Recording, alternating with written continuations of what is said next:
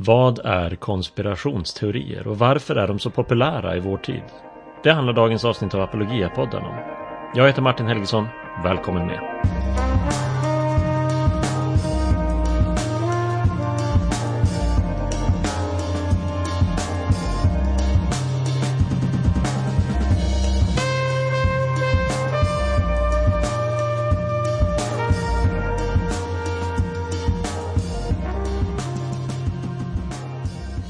Välkommen tillbaka. Roligt att eh, ni fortsätter att lyssna på Apologia-podden.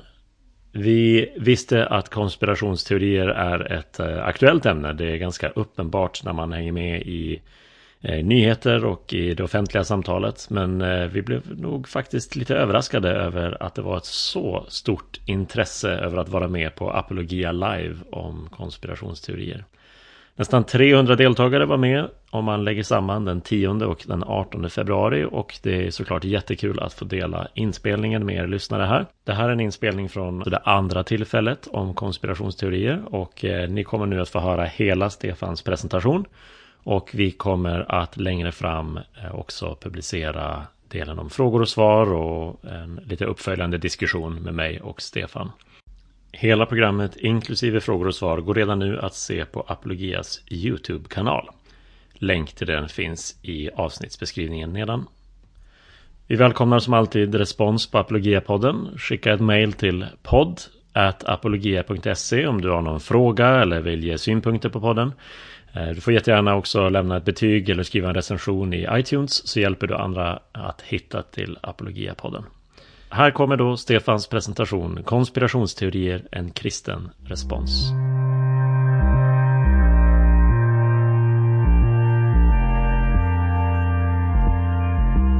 Ja, men tack så mycket. Och då vill jag också få säga väldigt välkomna till Apologia Live och eh, den här kvällen om konspirationsteorier. Jag ser, eh, eh, ser fram emot samtalet vi kan ha efteråt och Eh, så jag hoppas att ni under tiden som jag talar eh, skriver ner frågor, tankar, eh, synpunkter så att vi kan ta upp det sen efteråt. Det här är ett ämne som ligger nära oss i apologia. Vi arbetar ju med, som Martin sa, apologetik, att förklara och försvara kristen tro. Och då blir ju frågor om sanning, lögn och hur man kan skilja sanning och lögn från varandra. Det blir väldigt viktiga frågor. Eh, och allt det här relaterar ju till eh, frågan om konspirationsteorier. Om man börjar med en definition. Vad är konspirationsteori för någonting? Här är den, eh, den definitionen som ligger på Wikipedia. Om, och den lyder så här. En konspirationsteori, och själva ordet kommer av konspirare som betyder att andas tillsammans är en hypotes eller en teori om en komplott, sammansvärjning eller konspiration. Ofta används termen i nedsättande bemärkelse, men kan även syfta på sakliga hypoteser kring faktiska sammansvärjningar. Så konspirationsteorier, det är helt enkelt tanken att det finns några individer eller en grupp av eh, människor som har någonting ihop. De andas tillsammans, de är i samklang här. Eh, och de håller någonting eh, dolt, så det är en komplott, en sammansvärjning. Eh, och då finns det en ambivalens här i, i, i, definitionen. Är det här en helt grundlös teori om att de där sakerna pågår? Eller är teorin, motsvaras den av någonting i verkligheten av en faktisk sammansvärjning? Och det är ju den här dubbelheten som vi ska, eh, vi ska titta på. Eh, kan man komma åt det här och förhålla sig till faktiska konspirationer kontra sånt som bara är teorier om någonting men som där teorierna saknar förankring.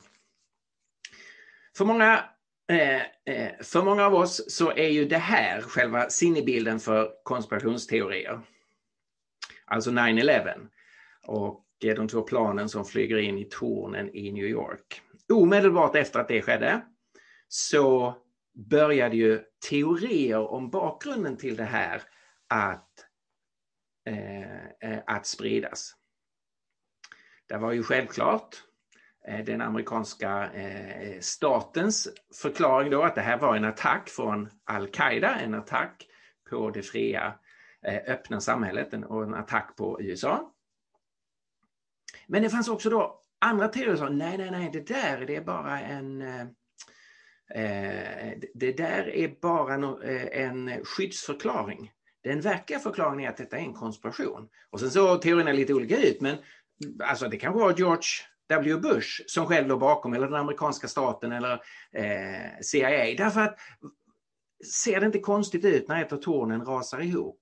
Rasar verkligen ett torn ihop på det sättet?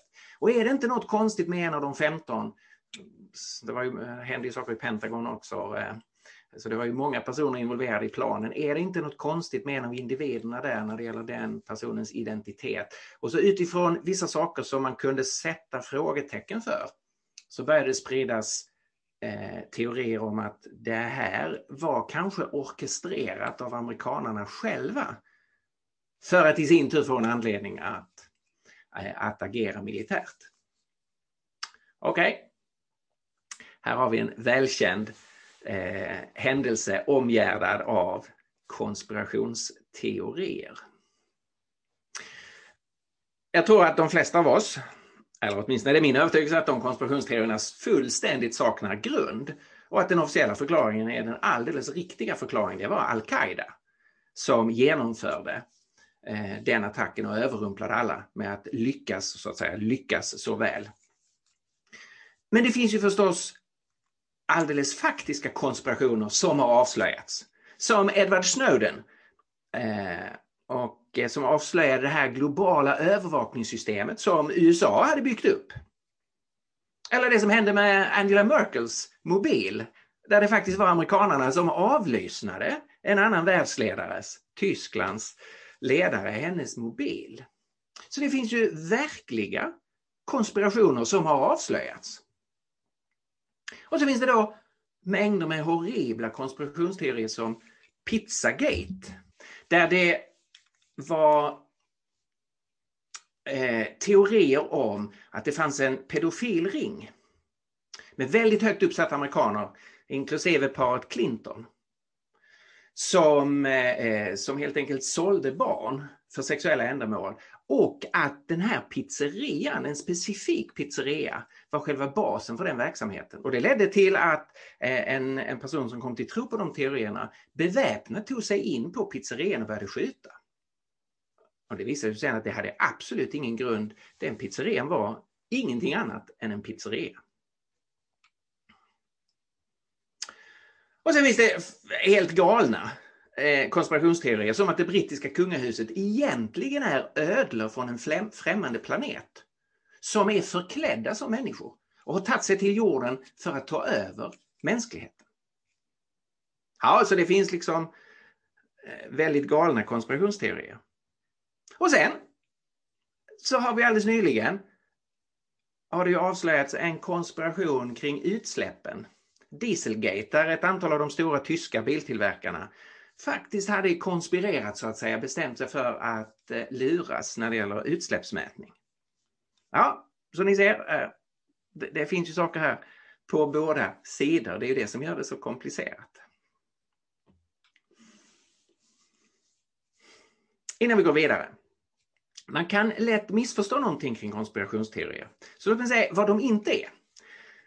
Konspirationsteorier är ingenting nytt som är orsakat av internet eller av sociala, sociala medier. Internet och sociala medier har ökat hastigheten och spridningstakten och så eh, och åtkomligheten. Men konspirationsteorier är gammalt. Det har funnits eh, i mänskligheten hela tiden. Det är faktiskt inte postmodernt och relativistiskt. Även om en del konspirationsteoretiker verkar befinna sig i någon sorts alternativ verklighet som eh, man kan tänka de är väldigt postmoderna så handlar ju alla konspirationsteorier om det finns en sanning, någonting är objektivt sant här, men inte det som du har presenterats av media eller så.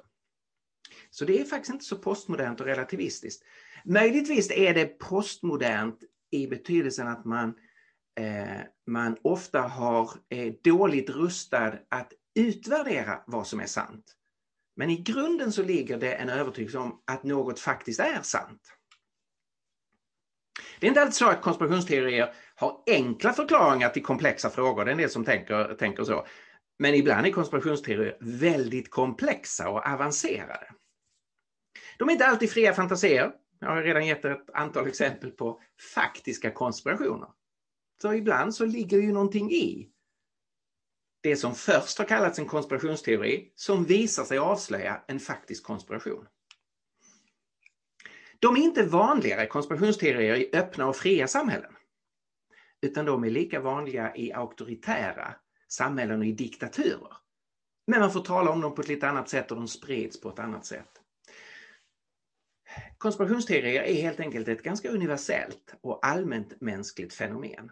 Och man kan iaktta att konspirationsteorier de har varit extra vanliga i tider av omvälvning, av oro, av osäkerhet. Som till exempel under upplysningstiden då det frodades massor med konspirationsteorier. Under krigstider. Och nu lever vi ju i en orolig tid. Där det är väldigt mycket nationellt och internationellt som liksom eh, börjar skaka och bryta sönder och ingen vet riktigt vägen vidare. Och därför är vår tid en tid när konspirationsteorier i mycket stor utsträckning spreds. Och det har med liksom den allmänna oron att göra.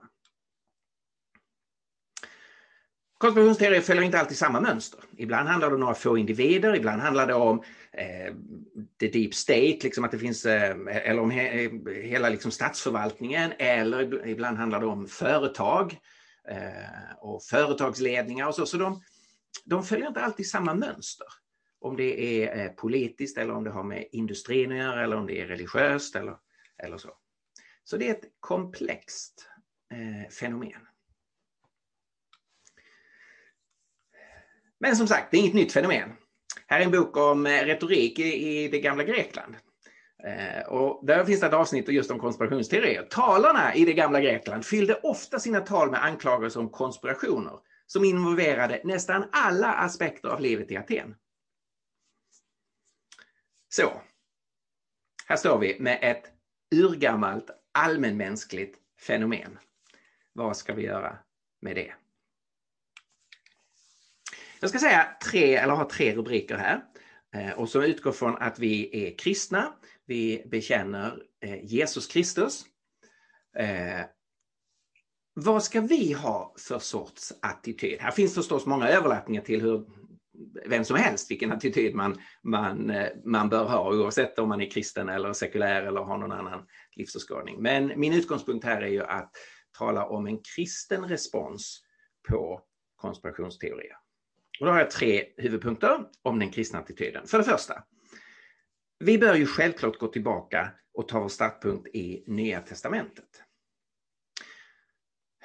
Och då märker vi ju att i Nya Testamentet så finns det en väldigt stark betoning på sanning, vad som är sant. Själva ordet sanning finns över hundra gånger i Nya Testamentet. Det är ett statistiskt belägg för att själva uppfattningen att sanningsfrågan är viktig. Jesus gör anspråk på att vara sanningen i bestämd form. Paulus talar om evangeliet som det sanna budskapet. Och det är liksom självklart att den som är kristen ska, det ska vara liksom, vi ska vara sanningens folk. Vi ska vara präglade av sanning för vi, vi följer honom som gör anspråk på att vara sanning. Så därför blir det väldigt viktigt för den kristna att kunna skilja mellan sanning och lögn. Det som vi som kristna tror på är en öppen sanning. Vi är inte gnostiker som trodde på en hemlig sanning som man initieras in i och som inte är åtkomlig och så.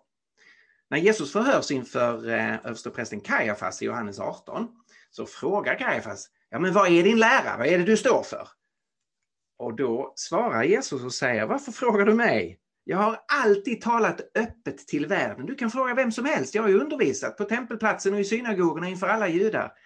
Jag har eh, jag har inte sagt något i hemlighet. Och det här har ju kännetecknat kristen tro att den är öppen. Vi har inga hemlighetsmakerier för oss. Det här det är inget hemligt sällskap som liksom håller saker och ting dolda. Så vi tror på sanning, vi tror på en öppen sanning som är åtkomlig för vem som helst som vill undersöka den. Vi tror på en prövbar sanning. Så när Paulus kommer till eh, Beroja och presenterar sitt budskap så börjar människorna där undersöka och pröva för att se om det stämmer. Och det där anses som en mycket positiv attityd i Nya Testamentet, att pröva för att se om det stämmer. Man ska inte acceptera någonting blint, bara gå på, eh, på känslan eller för att någon eh, eh, talar till en och säger det är så här och så ska, köper man det. Utan det här kan man pröva. Och det finns ju som en utmaning eller en uppmaning. Pröva allt, men behåll bara det som är gott. Pröva allt och behåll det goda. Det andra ska ni ju ta avstånd ifrån. Och i kontrast till det här med en sanning, en öppen sanning, en prövbar sanning, så sägs det då kristen tro är inte myter. Fem gånger används det grekiska ordet mytos i Nya Testamentet och alla gånger är det negativt, inte. Alltså det är inte myter som vi tror på, utan det här har med verklighet att göra. Det har med historia att göra, vad Gud har gjort i människans historia. Så det här har vi med i, i bakgrunden och det måste ju prägla vår attityd i förhållande till olika teorier som eh, flyter omkring eh, just i vår tid och just runt omkring oss. Man ska notera att utifrån den här, det här perspektivet så varnar Nya Testamentet, och nu citerar jag ett av de ställena där det står mytos, eh, och här är det översatt i Bibel 2000 med, med legender. Nya Testamentet varnar för avvikande läror och att ägna sig åt ändlösa legender. Hålla på med sånt som bara för till diskussioner och inte tjänar Guds plan. Sånt som spårar ut i tomt äh, prat. Alltså, Paulus är bekymrad över att det finns eh, folk i församlingen som drar igång en massa diskussioner som inte leder någonstans. I det sammanhanget så handlar det om en del eh, judiska legender kring hur man ska tolka släkttavlor och, och, och sådär. Men de, de håller på med, här finns någonting dolt här. Och på ni tappar fokus. Det här leder bara till ändlösa diskussioner och inte sånt som främjar Guds plan. Som ju är att det goda budskapet ska nå ut och människor ska bli frälsta och, och Guds kärlek ska nå fram till människor och så. Det spårar ur i tomt prat. Ja, det här måste ju en lärjunge ta på allvar. Så var, var har jag mitt fokus? Vad är det som upptar mitt sinne? Vad är det som liksom är, är, är vibbar runt omkring mig? Det här betyder inte förstås att man ska vara naiv. Och Paulus kan på ett annat ställe i Efesierbrevet säga så här, ta inte del i mörkrets ofrukt, ofruktbara gärningar, mer än så, avslöja dem. Så det är klart om det finns sammanhang som konspirerar mot oss eller mot det goda som sker i samhället, så är det klart att den kristne ska vara med och avslöja sånt som är mörker och lögn och som är destruktivt. Så här får man ju då hitta en balans. Eh, Vad är fokus i ens liv? Men samtidigt så är det klart att eh, sanning är viktig i alla frågor och pågår det en massa eh, fuffens så är den kristne med tillsammans med andra rättrådiga personer för att avslöja det. Okej, okay, här har vi en första, liksom, eh, försöka formulera en attityd, ett förhållningssätt. För det andra, vår egen historia. en kristen attityd utifrån vår egen historia. Och när jag började tänka på de här frågorna så tyckte jag det var så intressant att se att konspirationsteorier, det möter ju oss i Nya Testamentet och det möter oss genom hela kyrkans historia. Jag är verkligen inte den första kristne att ta ställning till det här. Ett par exempel, och vi kunde tagit många, många exempel. Jesus själv blev utsatt för en konspirationsteori. När han, eh, när han befriade människor från det ondas inflytande, när han drev ut eh, onda andar och alla kunde se något övernaturligt hände. vad, händer, vad möter han då? Jo, när några av hans kritiker ser detta så kan de ju inte förneka det som sker. Alla ser att en människa som har varit bunden av det onda nu är fri och upprättad. Men då säger de så här, då har de en alternativ förklaring och säger det måste vara med demonernas furste, med Belsebul, som den mannen driver ut demonerna. Alltså låt er inte luras av det han påstår, det där är bara yta att han agerar av Guds vägnar. Under ytan är det så att han är i förbund med Satan. Ja, det här är en konspirationsteori, att Jesus är i konspiration med den onda makten och försöker bedra sin eh, omgivning. Vad ska man säga om det här? Ja, man måste ju säga, vad finns det för argument för att Jesus skulle vara i förbund med djävulen? Och Jesus själv lyfter fram att det här är en urdålig teori. Varför skulle djävulen bekämpa sig själv? Jag driver ju ut de onda andarna. Jag pressar ju tillbaka den onda makten. Den här teorin är ju inte sammanhängande. Den stämmer förstås inte vem Jesus är som person, det stämmer inte med själva händelserna, att det är det onda som nedkämpas. Och det stämmer inte fortsättningen vad Jesus gör, han proklamerar inte Satans rike utan Guds rike. De första kristna mötte konspirationer. Så när de hittar graven tom och de möter Jesus levande och börjar predika det, så finns det ju en alternativ förklaring. Det är de första kristna som konspirerar. De har hittat på det här. Det judiska ledarskapet talar med de soldater som har vaktat graven och som ju faktiskt vet om att Gud har gjort ett under och uppväckt Jesus.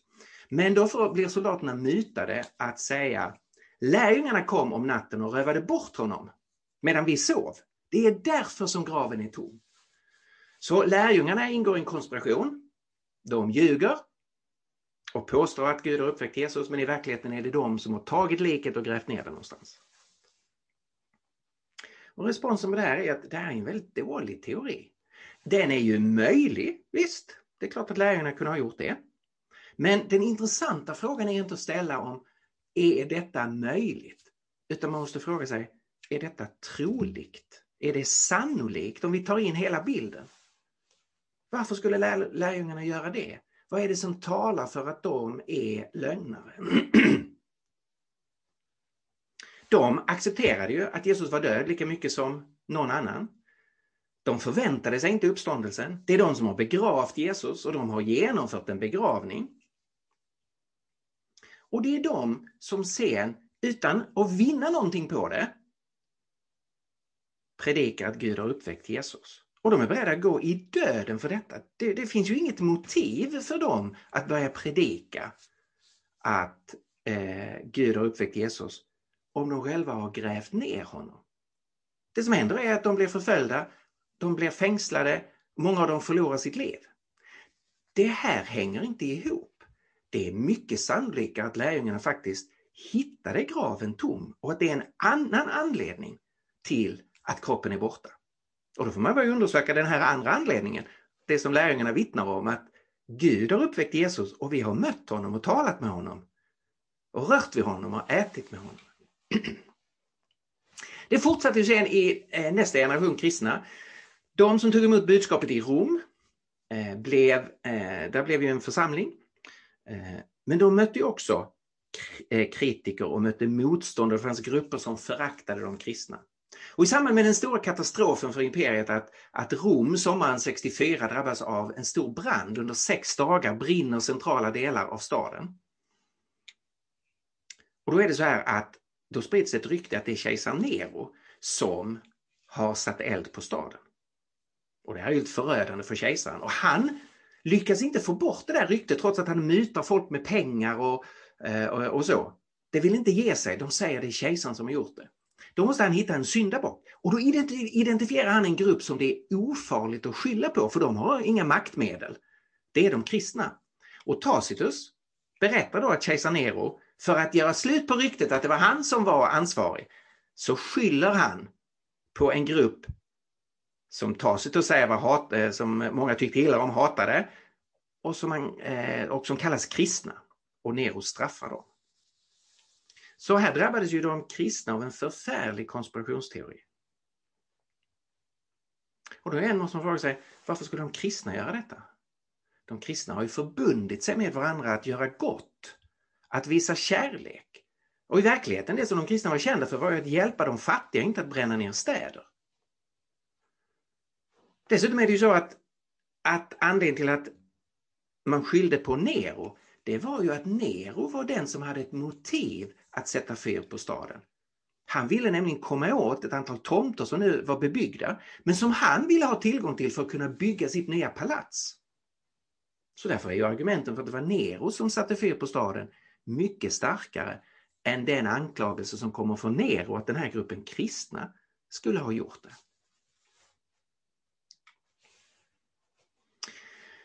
Det jag velat visa med det här det är att vi som kristna, vi är ganska vana vid att hantera konspirationsteorier när de riktas mot oss. Och då blir det väldigt viktigt att vi kan ju inte avvisa de här tidiga konspirationsteorierna om att Jesus var i förbund med djävulen och att lärjungarna stal kroppen och grävde ner den eller att det var de kristna som brände ner staden Rom. Om vi samtidigt idag accepterar andra kons eh, konspirationsteorier som är uppbyggda på samma sätt som de teorierna som vi själva avvisar när de drabbar oss. Vi måste ha en sammanhängande attityd där vi gör liksom argumentationsanalys på ett liknande sätt. Så här står rätt så mycket på spel för den som är, är kristen. Därför att det här har liksom rötter tillbaka till, till sånt som är väldigt centralt i vår egen tro. Så vi måste kunna argumentera på ett liknande sätt över hela linjen. Och det betyder ju att man kan inte bara liksom ta en teori och så bli uppskakad i sitt inre och säga ja, tänk så hemskt det här är, Jesus är i förbund med djävulen. Eller då det här företaget eller den här regeringen håller på med det här. Utan man måste sätta, liksom, ta en helhetsbild. Okej, okay, låt oss titta på alla fakta här, hela bilden. Man måste jämföra alternativen. Okej, okay, Jesus är i förbund med djävulen, ett alternativ. Jesus är Guds son, ett annat alternativ. Hur mycket argument finns det för alternativ 1? Hur mycket argument finns det för alternativ 2? Och så måste man ju titta på konspirationsteorier och, och se den officiella förklaringen och de alternativa förklaringen. Vad har sammant, eh, sammantag, vad är, vad är den mest sannolika förklaringen? Hur ser motiven ut? Så man behöver gå igenom teorierna på samma sätt. Och vad, blir, vad är följderna av den här händelsen? Eh, och hur spelar det in hur vi ska tänka kring vilken teori som är den sanna här?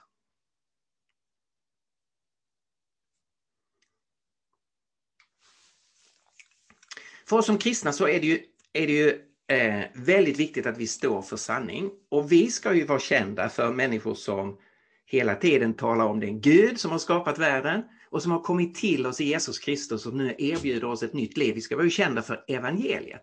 Och det blir väldigt, eh, det är väldigt illa om vi som kristna blir kända för evangeliet plus tusen olika konspirationsteorier hit och dit. Därför det kommer ju påverka vad människor tänker om det som är vårt egentliga budskap, evangeliet. Men om vi är människor som accepterar alla möjliga teorier som kanske är ganska grundlösa, då skapar vi ju intrycket av att ja, de har ju antagligen accepterat evangeliet för det är lika grundlöst som de här konspirationsteorierna som de är så ivriga förespråkare för. Så eh, igen, här står ganska mycket på spel för den kristne. Och den tredje punkten. Men nutida konspirationsteorier, där har vi hållit oss i eh, Nya Testamentet, attityden, konspirationsteorier genom historien, några exempel. Men nu handlar det om oss och alla de teorier vi har runt omkring oss eh, på olika sätt. Hur ska vi förhålla oss till dem? Hur ska man utvärdera sånt som påstås? Jag tror att vi ska vara medvetna om att kristna i ganska hög grad eh, och ganska naturligt är beredda att acceptera konspirationsteorier. Kanske till och med lite högre än snittet. Och det kan man åtminstone bli medveten om att, att det finns en viss benägenhet hos den som är kristen. Eh, så, så man kan bli lite självkritisk. Eh, på vilket sätt? Ja, det finns två saker som gör att vi kan ha lite en ökad benägenhet att vara positiva till konspirationsteorier. Det finns ett teologiskt skäl till det.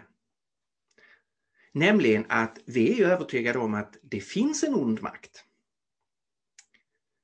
Eh, som kallas för denna världens furste. Och att det försiggår många saker liksom under ytan eller i den andliga världen. Och att eh, det finns mycket mer än det som bara är synligt. Tillvaron är liksom större och det pågår en andlig strid här. Och det, det där är ju en, en viktig del av, av, av, kristen tro. Tillvaron är liksom större, det pågår mer än det som vi nu ser. Och det gör ju att man då får en benägenhet så att, att, att vara öppen för det. Och det är klart att vi ska vara öppen för den här tankegången av vad denna världens första, alltså den onda makten, eh, gör så att vi blir medvetna om det. Men Det finns väldigt lite som talar för att, att vi kan få kunskap om det som vi vet att det försiggår saker och att djävulen håller på med sina saker. Men vi har inte fått information om det, vad den onda makten gör 2021. Eh, och där måste man vara återhållsam här med spekulationer. En del av oss som är i eh, min ålder eller äldre, eh, vi minns ju frejdiga predikanter som sa att kontokort, det där är djävulens märke med anspelning på Uppenbarelseboken. Det där får en kristen inte använda. Jättestor hype kring kontokort. Ja, det visade sig vara ett, ett gigantiskt misstag att säga så. Istället för att säga att kontokort är ju ett betalningsmedel bland andra. Det har fördelar, det har nackdelar, det finns faror, men det finns det med alla betalningssystem. Och idag är det ju ingen som säger att kontokort är vilddjurets märke. Men nu så är det ju då eh, chip eh, under handen eller saker som är relaterade till vaccin. Och här måste vi ju lära oss av de monumentala misstag som har skett genom historien. När människor utan att ha kunskap om vad som sker i den andliga världen påstår vad som sker i den andliga världen. Så det finns ett teologiskt skäl att, att vi kristna kan bli på ett felaktigt sätt lite för eh, öppna eller för benägna att acceptera konspirationsteorier. Och det andra är ett psykologiskt skäl. Det finns mycket akademisk forskning om, eh, om eh, konspirationsteorier. Och då visar det sig att eh, om man till exempel politiskt befinner sig långt ut till vänster eller långt ut till höger så har man större benägenhet att acceptera konspirationsteorier än om man är mer lite eh, mainstream politiskt sett håller sig till mittfåran. Och den psykologiska förklaringen är ju att om du blir vänsterextrem eller om du blir mer högerextrem så betalar du ett ganska stort kulturellt pris för att inta den politiska positionen åt höger eller åt vänster. Du har redan ställt dig utanför mainstream. Det betyder att det finns nästan inget kulturellt pris kvar att betala om du accepterar ytterligare en sak utanför mainstream. Det här är ju relevant för den som är kristen. Vi är varken vänsterextrema eller högerextrema. Men vi har ju ställt oss utanför mainstream på en annan punkt. Vi bekänner Gud som skapare av himmel och jord och vi bekänner att Jesus är hans son som han har uppväckt ifrån de döda och som nu är Herre. Det är långt ifrån mainstream. Och vi betalar ju ett kulturellt pris för att vara Jesu lärjungar. Men det betyder ju att det finns inte mycket kulturellt pris kvar att betala för att inta andra ståndpunkter utanför mainstream. Och då behöver man som kristen påminna sig om att yes, jag ska verkligen vara noga och betala det kulturella priset av att bekänna Jesus som Herre. Men det betyder inte automatiskt att jag ska avvisa allt annat som är mainstream och öppna mig för allt annat som är vid sidan om mainstream. Så här psykologiskt behöver man vara medveten om hur det här fungerar. Stephen Law, en, eh, brittisk filosof, eh, Eh, vi står långt ifrån varandra eh, vad gäller övertygelse. Han är, ateist, eh, humanist. Men han beskriver konspirationsteorier som intellektuella svarta hål. Och, och, svarta hål har en enorm dragningskraft, du sugs in i ett svart hål. Och det kan man nog säga om man, om man undersöker konspirationsteorier, att det finns, en, det finns liksom en, någon sorts gravitationskraft här, att om du börjar gå in i den världen så är det som ett svart hål och alldeles för många om man följer människor på nätet eh, liksom bara sugs in i den här världen. Och det tror jag inte är, är hälsosamt, intellektuellt, psykologiskt eller andligt, eh, att sugas in i de här hålen. Vad är det som är attraktionen med konspirationsteorier? Psykologiskt så ger de en trygghet att någon säger titta det här kaotiska, jag vet hur det är. Att få del av liksom en underliggande sanning, det skapar en skön känsla hos oss människor. Och där finns en attraktionskraft. Jag vet hur det egentligen är. Istället för att leva med en, en mängd obesvarade frågor, frågetecken, osäkerheter. Det är dessutom så att vi människor funkar så här.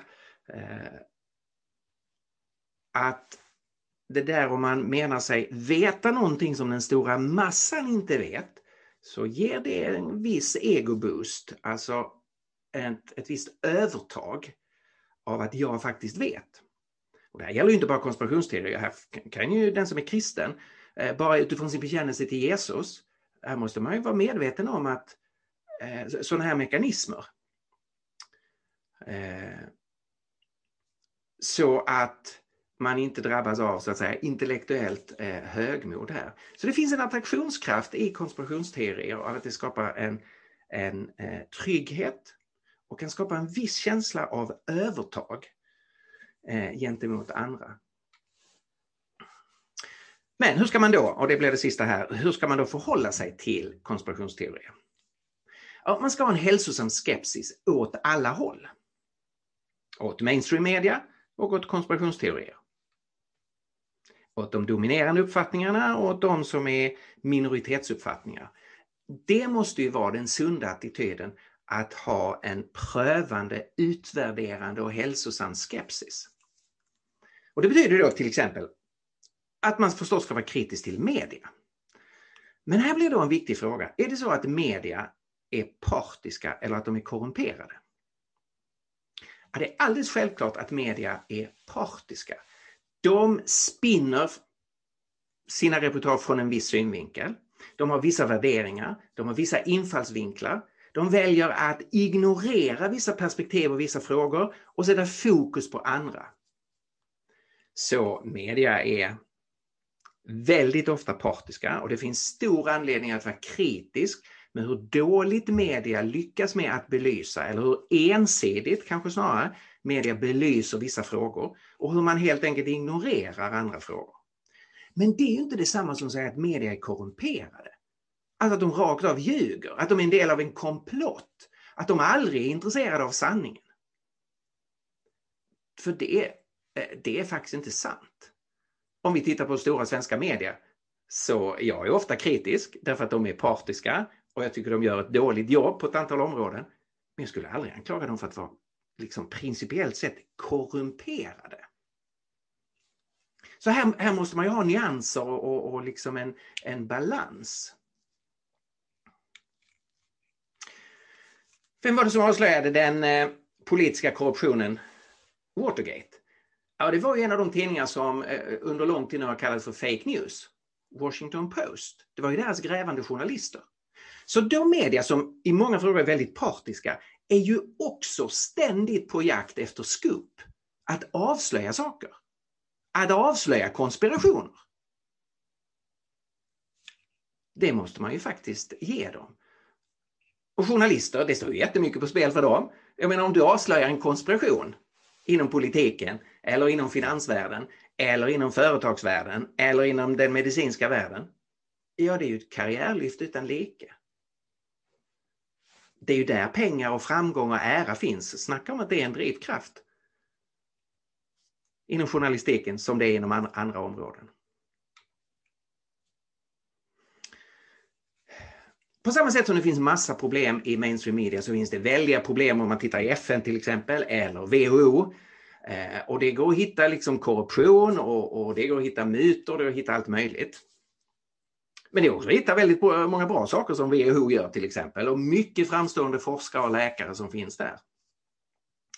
Och här måste man ju, om man till exempel tar sånt som har med läkemedel och vaccin och så att göra, så måste man ju fråga sig här, vem har mest sökarljus på sig? Vem undersöks mest noggrant av kritiskt granskande journalister? Är det WHO eller är det konspiratoriska bloggare? Ja, det är klart att WHO har väldigt mycket mer folk efter sig. Det är många, många fler som vill fälla WHO och visa att de har fel än enskilda bloggare eller youtubers som sitter och gör sina grejer och som nästan ingen undersöker. Och därför kan de påstå nästan vad som helst. Vad är det som gör att det ganska sällan finns riktigt stora konspirationer? Och jag tror att man ska vara väldigt skeptisk till sådana här stora universella globala konspirationer eller konspirationer som involverar väldigt många olika människor. Det har att göra med att sanningen, den har en vän i alla människor.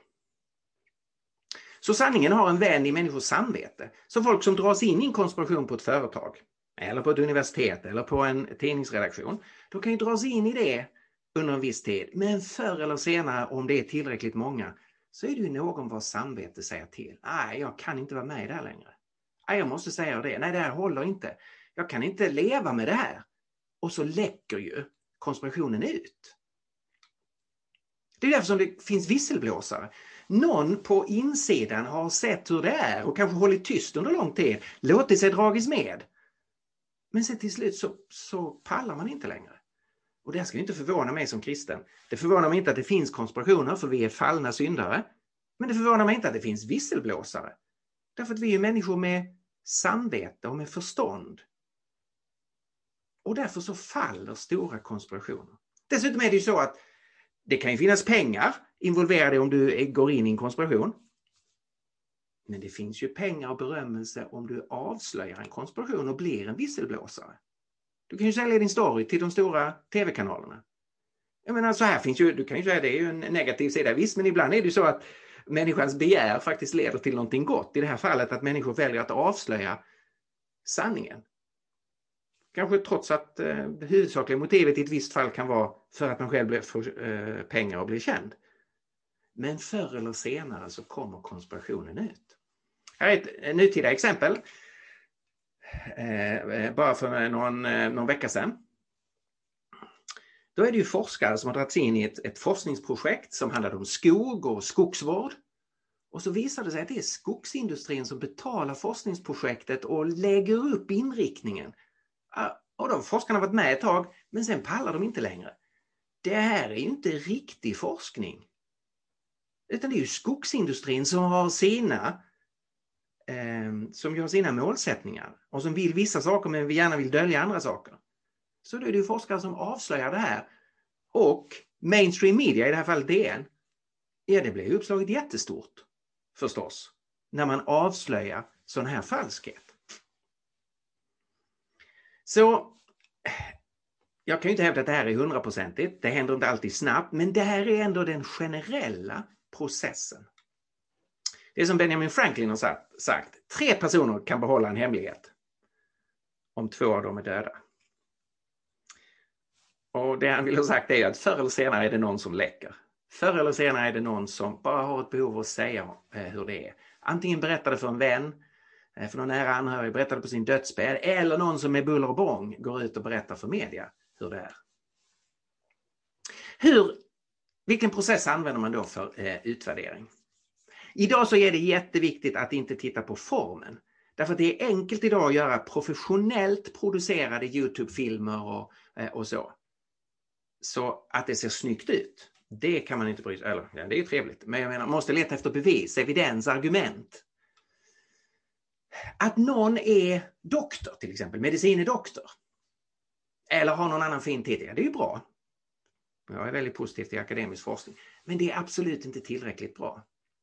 Dels kan du få en doktorsgrad från sammanhang som inte är så avancerade. Inte minst i USA så kan du ha, skaffa dig en doktorstitel på, på lite olika sätt. Och dessutom är det så här att människor som har hög IQ, stor akademisk kompetens och verklig doktorstitel inom ett område, de kan fortfarande vara rättshaverister. De kan fortfarande ha problem att göra sansade bedömningar eh, i, i, i vissa frågeställningar. De kan ha personliga motiv att de Eh, eh, att de har en story på ett universitet som gör att de eh, har hamnat utanför den vanliga forskningen och så vidare. Så titlar i sig själv räcker inte att här är en som har doktorerat. Nej, här måste man lyssna in så att säga, forskningsområdet som sådant, inte bara är en enskild person. Man kan inte titta på hur många eh, visningar på Youtube eh, någonting har. Sanningen är inte demokratisk på det sättet att det som flest har gillat eller delat är det som är sant. Utan man måste borra i vad bygger det här på? Och man kan inte bara ta ett enskilt påstående. Titta här, det här ser konstigt ut. Därför att i nästan alla sammanhang finns det något som ser konstigt ut. Man måste leta efter den sammanhängande argumentationen, helhetsbilden, alla bitarna. Så vad är sammantaget den bättre teorin? I de flesta sammanhang kommer det finnas något frågetecken kvar. Så är det att vara människor, vi har aldrig all kunskap. Men vi måste ju gå efter det som är den sammantaget bästa teorin. Precis som när man lyssnar in vittnesmål i en rättegång och försöka sätta samman en bild. Vad är det mest sannolika scenariet här? Så, väldigt mycket konspirationsteorier bygger på ett epistemologiskt misstag. Alltså eh, epistemologi är ju läran om kunskap, hur vi, eh, vad kunskap är och hur vi får kunskap. Och ett eh, epistemologiskt misstag, det är så här. Man fokuserar på olösta frågor, på luckor i vår kunskap, på osäkerhet, på förbryllande detaljer eller mindre motsägelser. Och så bygger man ett case utifrån dem. Istället för att ge ett kumulativt, alltså ett, eh, ett sammanfattande case för vad som är den bästa förklaringen, alltså att man tar helhetsgreppet och ta med så mycket kunskapsbitar som möjligt för att se vad är den bästa, den rimligaste, den mest sannolika förklaringen. Okej, okay, jag ska gå in för landning. Det här är Fauci som ju är USAs Tegnell. Han anklagas ju för att i vissa sammanhang för den som har, eh, som har spridit coronaviruset. Och argumentet är att han har haft kontakt med det här labbet i Kina. Ja, men hur konstigt är det? Han är en världsledande forskare. Han har kontakt med labb över hela världen. Det är ju inget argument för någonting alls. Eller ta Bill Gates. Det finns en massa anledningar att vara kritisk till Bill Gates på en massa områden. Eh, om man följer Microsofts historia så har de varit involverade i många rättegångar och gjort många eh, affärsmässiga saker som man kan, man kan kritisera. Bill Gates eh, eh har, eh, har sina problem, eh, absolut. Men det är inte detsamma som att eh, han därmed eh, har en ond plan med vaccin till exempel, som är en av konspirationsteorierna runt Bill Gates. Den bygger ju i den bygger i stor utsträckning på att han 2015 höll ett tal, där han, ett, ett TED-talk, där han talade om att en av de stora farorna vi har här framöver är pandemier. Och då har folk tolkat det som att han läcker kunskap här om att han egentligen håller på att planera någonting. Vilket ju är alldeles galet. Det här har ju forskare talat om i många år att det kommer förr eller senare pandemier. Okej, okay. Dick Harrison, han säger så här. Kort sagt. Dick Harrison är professor i eh, historia vid Lunds universitet. Kort sagt, man tror på konspirationsteorier eftersom man vill tro på dem. Inte för att de är trovärdiga. Och jag skulle säga att det gäller om de flesta konspirationsteorier vi har runt omkring oss idag att de är inte de mest trovärdiga förklaringarna till skeendet.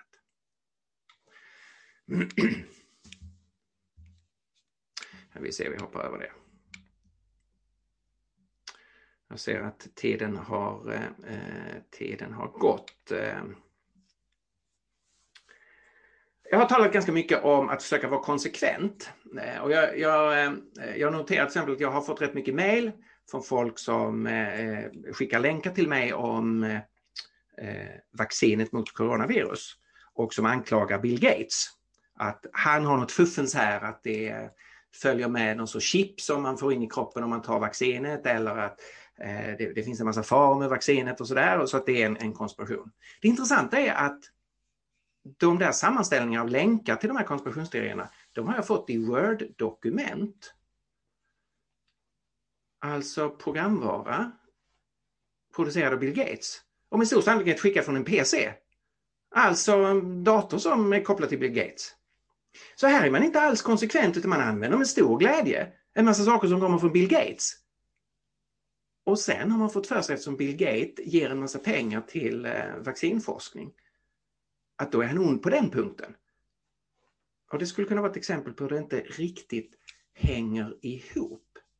Självklart ska Bill Gates och Microsoft, självklart ska eh, Big Pharma, alltså den stora medicinindustrin, eh, den ska ju kritiseras och analyseras. Och de är inte de är inte syndfria om jag använder ett kristet språkbruk, absolut inte. Men man måste också säga att medicinindustrin har producerat helt fantastiska saker. Jag tror att ganska många av er som någon gång har tagit emot medicin som ni har varit väldigt glada för, för det har faktiskt hjälpt er. Så, ska jag sluta genom att säga så här. Ett sätt att förhålla sig till det här det är att, för att använda lite svengelska här, återgälda komplimangen. Alltså, när konspirationsteoretiker säger ofta så här. Människor är korrumperade. Du kan inte lita på vad de säger och syftar då på mainstream-narrativet. Ja, men människor är korrumperade, du kan inte lita på vad media eller Bill Gates och, och så säger. Och då är min respons, jag håller helt med dig. Människor är korrumperade. Det betyder att man kan inte lita på konspirationsteoretikerna. Och det är nästan ingen som undersöker vad det är de påstår så de verkar ha fritt blås. Människor har olika agendor, säger konspirationsteoretikerna. De är ute efter pengar och makt och anseende. Och det här syftar ju då på, eh, på institutioner, på eh, eh media, på eh, de som har makten. Ja visst så är det, människor har verkligen olika agendor. Och det gäller ju också konspirationsteoretikerna och bloggarna och de som sitter och gör Youtube-filmer. De har ju precis lika mycket agendor som alla andra. Och därför måste de ju utvärderas lika hårt som de, de, de officiella rösterna. Saker är inte vad de ser ut, säger konspirationsteoretikerna. Och då säger jag, nej exakt så är det. Saker är inte vad de ser ut att vara. Och väldigt många saker är inte vad konspirationsteoretikerna påstår att de är. Så ni ser det här, eh, det här förhållningssättet, man måste ju liksom titta åt båda sidorna hela tiden för att bedöma vad är, var ligger sanningen, vad är det rimligt att omfatta. Slutar jag med en bild som jag hittade på, på nätet som jag tyckte var rolig som har just med detta eh, att återgälda komplimangen. Och det handlar om att bemöta eh, konspirationsteoretiker och göra det genom att möta dem på deras planhalva. If you one up conspiracy theorists, they don't know what to do. Någon säger the moon landing was fake. Och då kan man svara Oh, you're one of those guys that believe in the moon. Och det tycker jag fångar ganska mycket av, eh, eh av, av dilemmat här runt konspirationsteoretiker. Okej, okay. då stoppar jag min presentation här och lämnar över. Ja, det var Stefans presentation om konspirationsteorier och en kristen respons. Det var allt för vårt avsnitt eh, den här veckan, men nästa gång Apologia-podden kommer då får ni höra fortsättningen av diskussionen med frågor och svar om konspirationsteorier. Kom ihåg att mejla podd apologia.se med synpunkter eller frågor och ge som sagt gärna podden ett betyg eller en recension på iTunes så hjälper du fler lyssnare att hitta till oss. Ha det så bra tills nästa gång. Hej då!